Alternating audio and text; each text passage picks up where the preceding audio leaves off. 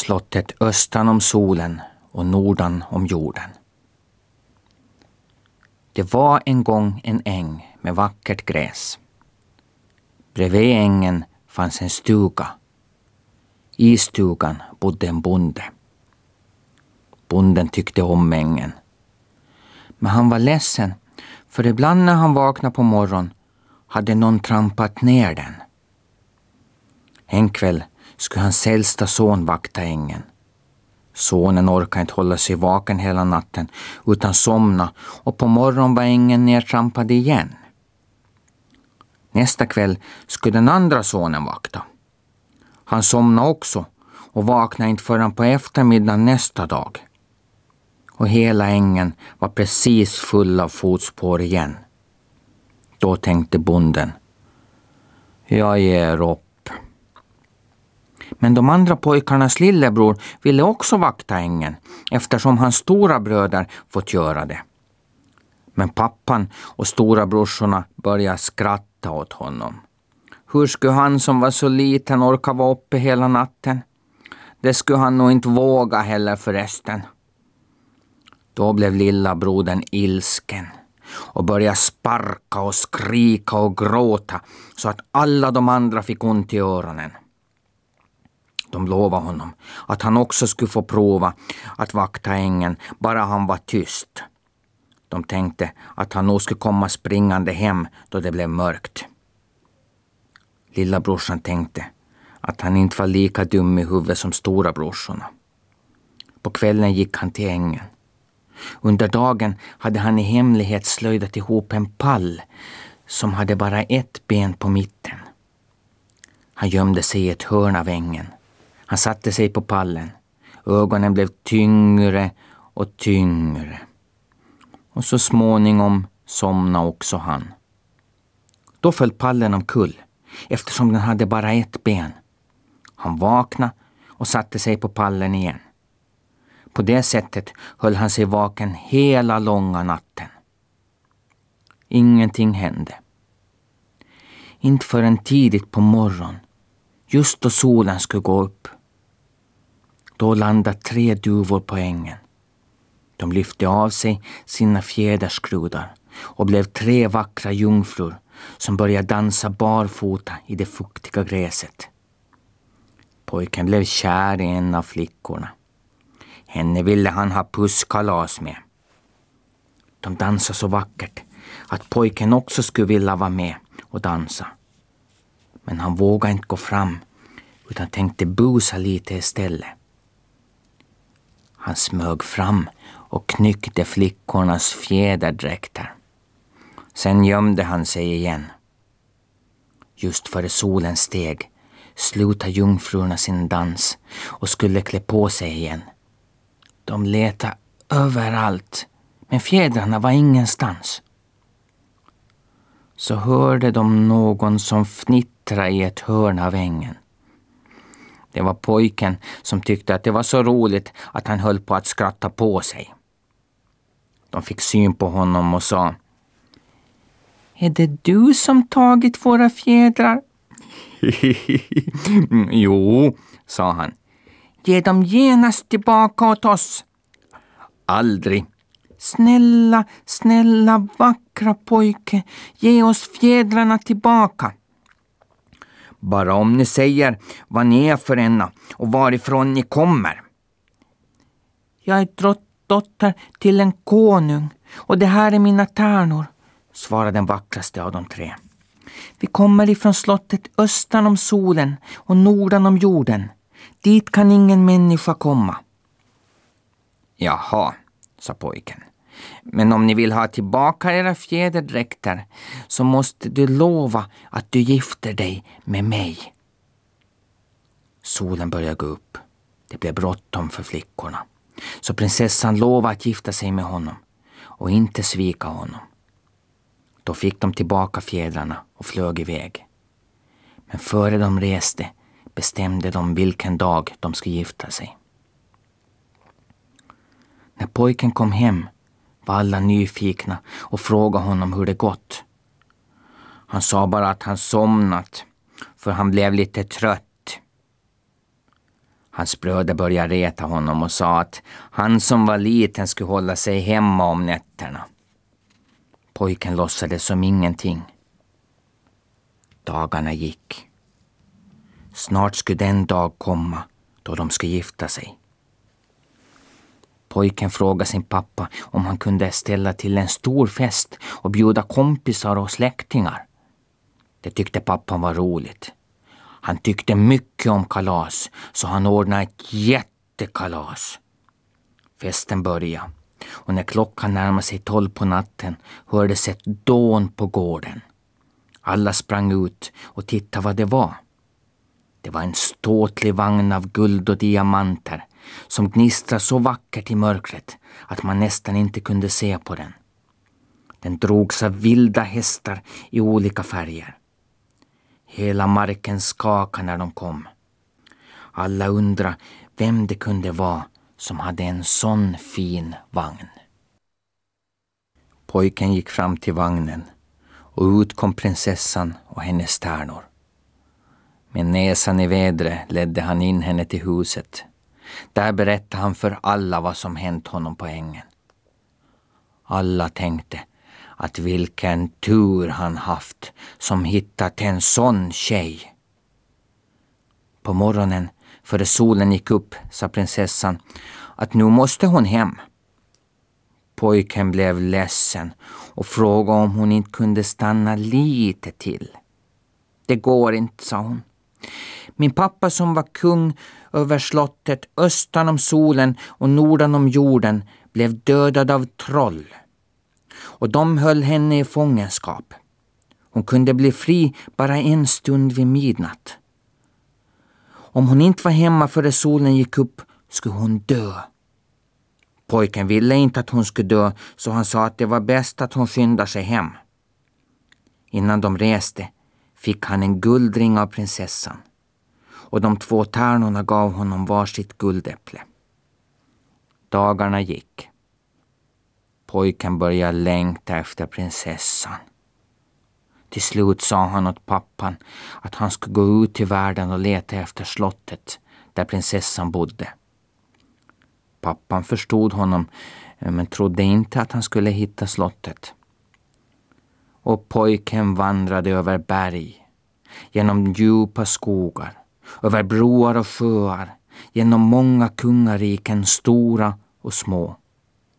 Han frågade torpare, bönder och kungar och barn och vuxna. Ja, till och med katter och hundar frågade han. Men ingen visste något om slottet östan om solen och nordan om jorden. Han kom fram till en stor skog med höga mörka träd. Där var ett rysligt oväsen. Prinsen smög försiktigt närmare. Han fick syn på två stora jättar som stred med varandra.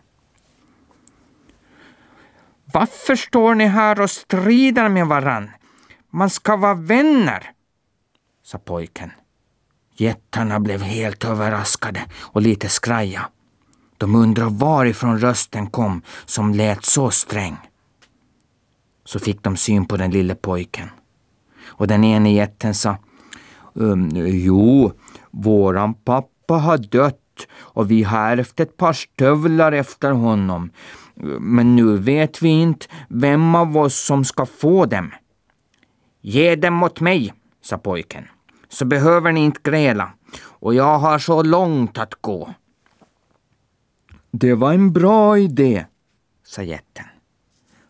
Men du ska veta att med de här stövlarna kan du ta hundra mil med ett enda steg. Och jättarna, som var trötta på att gräla med varandra, gav honom stövlarna. Och de blev glada och gossen blev glad. Så klev han iväg med hundra mil i varje steg. Genom många riken steg han och kom fram till en stor mörk skog. Och därifrån hördes ett fasligt liv. Pojken gick försiktigt närmare. Då fick han syn på två jättar som grälade och skrek till varandra. Sluta bråka! Annars måste ni genast städa era rum, sa pojken. För så brukar hans pappa säga åt honom när han bråkar med sina brorsor. De slutade bråka med samma, för ingen av dem tyckte om att städa. Och de tittade på pojken. Och pojken frågade varför de grälade.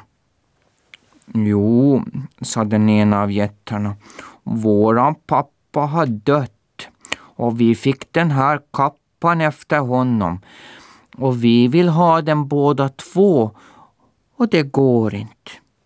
Jaha, sa pojken och tittade strängt på de två jättarna. Ge kappan åt mig, så har ni inget att gräla om mer. För jag behöver den. Jag har lång väg att gå. Det har du rätt i, sa jätten. Men vet du vad? Kappan är förtrollad. Den som har den på sig blir osynlig. Bra, sa pojken. Tack ska ni ha. Nu går jag. Och lova att inte bråka mera med varann. Vi lovar, vi lovar, sa de och vinkade glatt åt pojken. Så gick han igen, långt, långt bort genom många olika kungariken. Efter ett tag kom han igen till en stor mörk skog. Där inne var ett väldans oväsen. Han gick dit för att se efter vad det var. Jo, där inne stod två jättar och stred med varann. Och pojken sa med sån röst som hans pappa brukar ha. Nu slutar ni genast bråka, annars får ni ingen godisdag den här veckan. Jättarna tittade förskräckta på honom och de slutade genast bråka för de tyckte mycket om godis. Pojken tittade strängt upp på de två jättarna och så sa han Nå, låt höra. Vad bråkar ni om? Jo, sa den ena jätten med ynklig röst. Våran pappa har dött och vi har ärvt ett svärd efter honom. Och vi vill båda ha svärdet. Då sa pojken med den bestämdaste röst han hade. Ge mig svärdet så har ni inget att bråka om. Det tyckte jättarna var en bra idé. För egentligen tyckte de inte om att bråka. De gav honom svärdet och den ena jätten sa Du, det är en sak jag måste berätta. Nå, berätta då kvickt. Jag har bråttom, sa pojken. Jo, det här är ett ovanligt svärd. Om man vidrör någon levande med spetsen så dör den med samma. Och om man vidrör en död med handtaget så börjar han eller hon leva igen. Häftigt, sa pojken. Hej då. Så gick han igen. Han var glad åt att ha så mycket fina saker hundramilastövlarna, den förtrollade kappan och det magiska svärdet. Nu måste han hitta slottet östan om solen och nordan om jorden, tänkte han och trava vidare. En mörk kväll kom han fram till en ödemark. Den ville aldrig ta slut. Det hjälpte inte att han tog hundra mil i varje steg. Han trodde att här får han gå hela livet. Så ödsligt och mörkt var det. Då glimmade det till mellan träden. Han gick mot ljuset och hittade en liten koja. I kojan bodde en gammal gumma. Han gick in i kojan, bockade artigt och hälsa och fråga om han kunde få sova över i kojan. Vem är du som hälsar så artigt? sa gumman. Jag har bott här så länge att tolv ekskogar vuxit upp och tolv ekskogar ruttnat ner. Men du är den första som hälsat vänligt. Jag är en fattig vandrare, sa pojken. Jag letar efter slottet östan om solen och nordan om månen. Eh, nej, nordan om jorden menar jag, sa han. Vet ni vägen dit, kära mor? Nej, sa hon. Men jag bestämmer över alla djur på marken. Kanske någon av dem kan hjälpa dig. Han tackade så mycket och stannade i kojan över natten. Tidigt nästa morgon, när solen sken ifrån öster, ropade gumman på alla djuren. De kom genast springande. Björnar, igelkottar, ormar, paddor, kaniner, älgar, rävar, ekorrar och alla andra djur på marken. När de var samlade frågade hon om de visste var slottet kunde finnas. De funderade en lång stund, men ingen visste. Då kan jag inte hjälpa dig, sa gumman. Men många tusen mil härifrån bor min syster. Hon bestämmer över fiskarna i havet. Hon kanske vet. Prinsen tackade för hjälpen och promenerade iväg igen. Han promenerade och promenerade. Så småningom kom han fram till en stor ödemark. Och där mellan träden tindrade ett ljus. Han gick fram dit. Där bredvid havsstranden fanns en liten koja. Där inne bodde en gammal kvinna. Pojken gick in, bockade artigt och hälsade från hennes syster och bad att få stanna över natten. Vad är du för en som hälsar så vackert på mig? sa gumman. Jag har bott här så länge att jag sett 24 ekskogar växa upp och 24 ruttna ner. Men du är den första som hälsat så vänligt. Pojken sa vad han ville. Men hon visste inte var slottet fanns. Men vet du vad? sa hon. Jag bestämmer faktiskt över fiskarna i vattnet. De kanske kan hjälpa dig.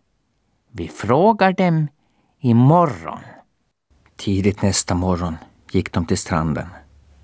Gumman tog fram en snäcka som lyste i samma blå färg som havet.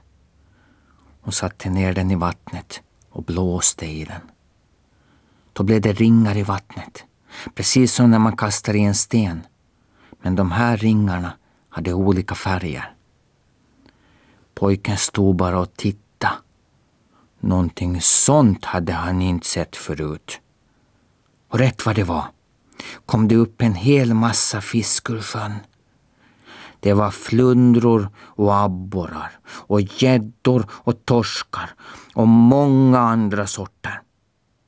Det lustiga var att alla hade slips. Det hade pojken inte heller sett för. Gumman frågade om slottet. Fiskarna sa att de skulle fråga sina kompisar. De hoppade ner i vattnet igen. De kunde inte stanna allt för länge på land, för de kunde inte andas där. Gumman och pojken väntade. Efter ett tag dök herr Braxen upp.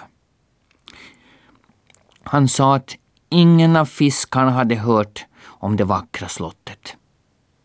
Pojken blev ledsen. Gumman sa åt honom att inte gråta, för hennes syster som bestämde över alla fåglar kanske kunde hjälpa.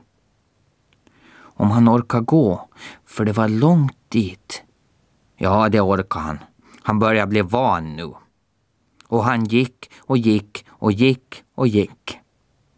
En kväll när han gått många tusen mil kom han till en ödemark och fick se någonting som lyste mellan träden.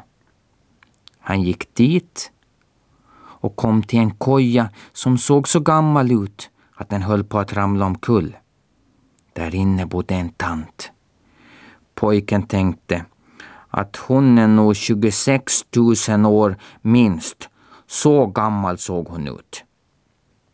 Pojken bockade och hälsade lika artigt på henne som på hennes systrar och berättade om slottet. Vad är du för en liten rackare eh, som hälsar så artigt? Sa gumman. Här har jag suttit så länge att jag sett 48 ekskogar växa upp och 48 ekskogar ruttna ner. Men ingen har hälsat så fint på mig förut. Och pojken tänkte att om hon sett så många ekskogar växa och ruttna, då var hon mycket äldre än 26 000 år som han tänkt. Så han försökte räkna ut hur gammal hon kunde vara. Men han fick ont i huvudet.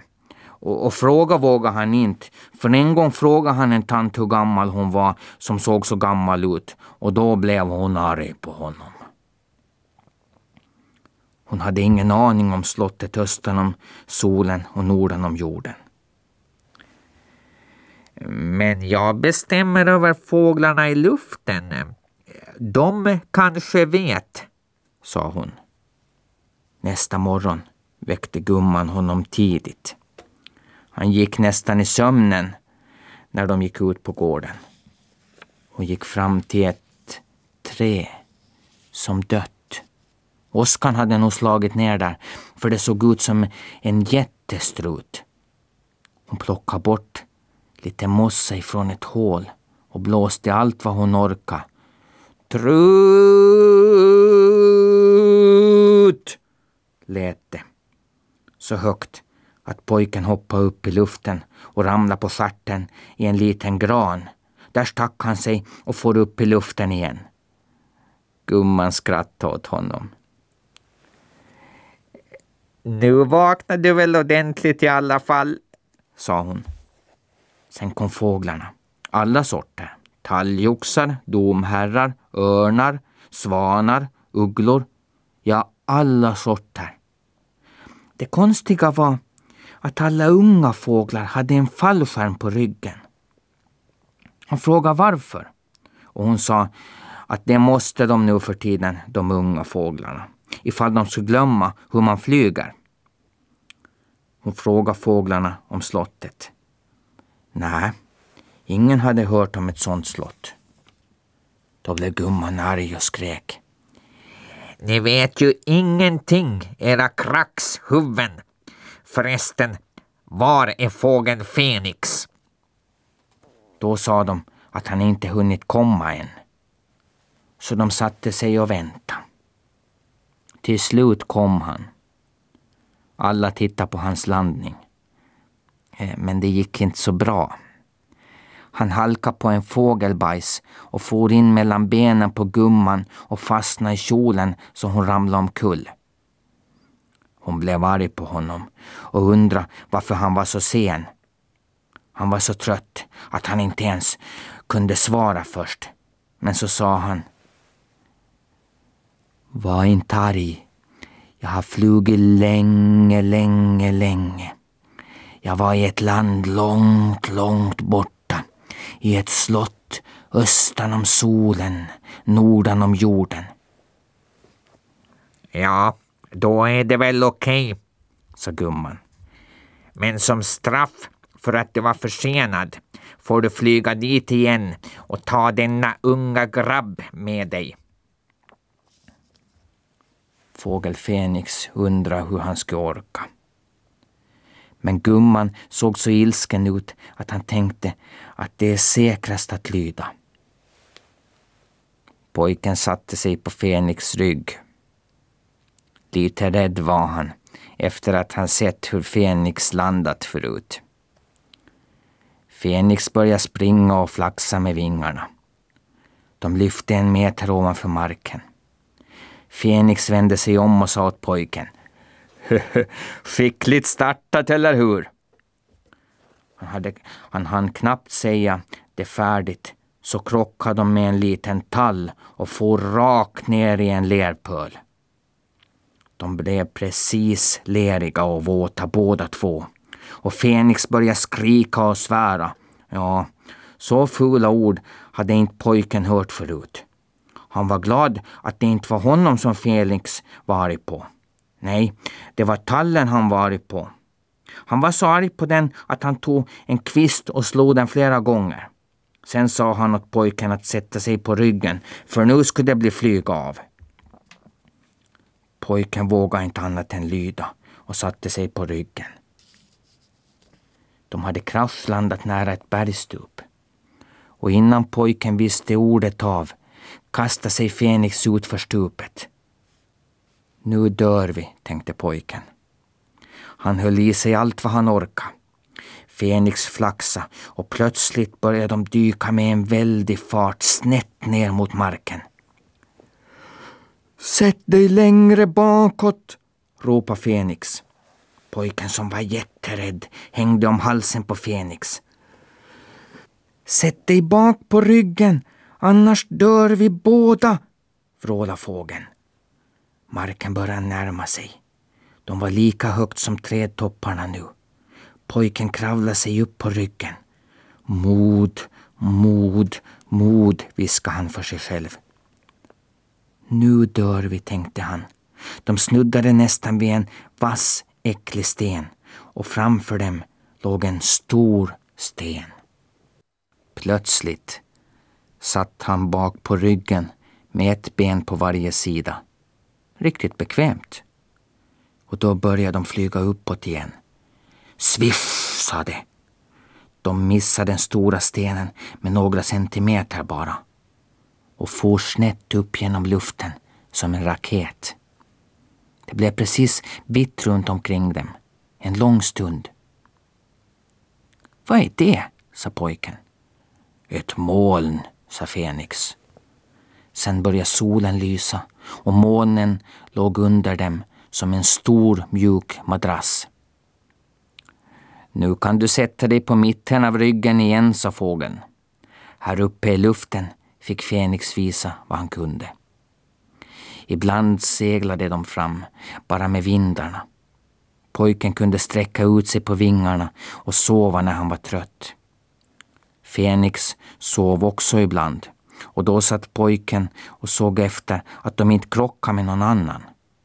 Till slut fick de se en blå sky långt borta. Så långt man kunde se vid himlens rand. Det är landet dit vi ska, sa Fenix. De flög vidare. Pojken tyckte det var underbart. Det kändes så skönt i magen när man flög, tänkte han. Vad är det? Sa han. Det dök plötsligt upp en glänsande fläck på himlen. Det är borgen dit vi ska, sa fågeln. De fortsatte. Det började bli kväll. De första stjärnorna tändes. Ett vackert slott som lyste av guld och silver dök upp. Är det dit vi ska? viskade pojken. Ja, viskade Fenix. Fenix landa tyst och fint bredvid slottet. Pojken tackar så mycket för flygturen. Jag har aldrig varit med om något så spännande förut. Fast jag var nog riktigt rädd också, sa han. Om man inte vågar vara rädd får man inte vara med om något spännande heller, sa Fenix och blinkade med ena ögat. Så lyfte han och flög i en cirkel ovanför slottet. Pojken tittade efter honom och tänkte på vad han sagt. Om man inte vågar vara rädd får man inte vara med om något heller. Fenix försvann i mörkret. Pojken väntade till midnatt. Sen gick han fram till slottet och bankade på porten. Prinsessan blev rädd och undrade vad det var för någon som kom och hälsade på mitt i natten.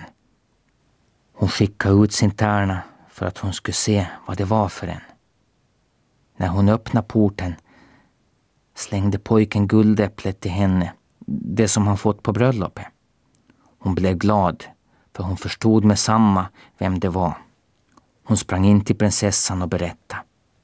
Hon trodde inte utan skickade ut den andra törnan med.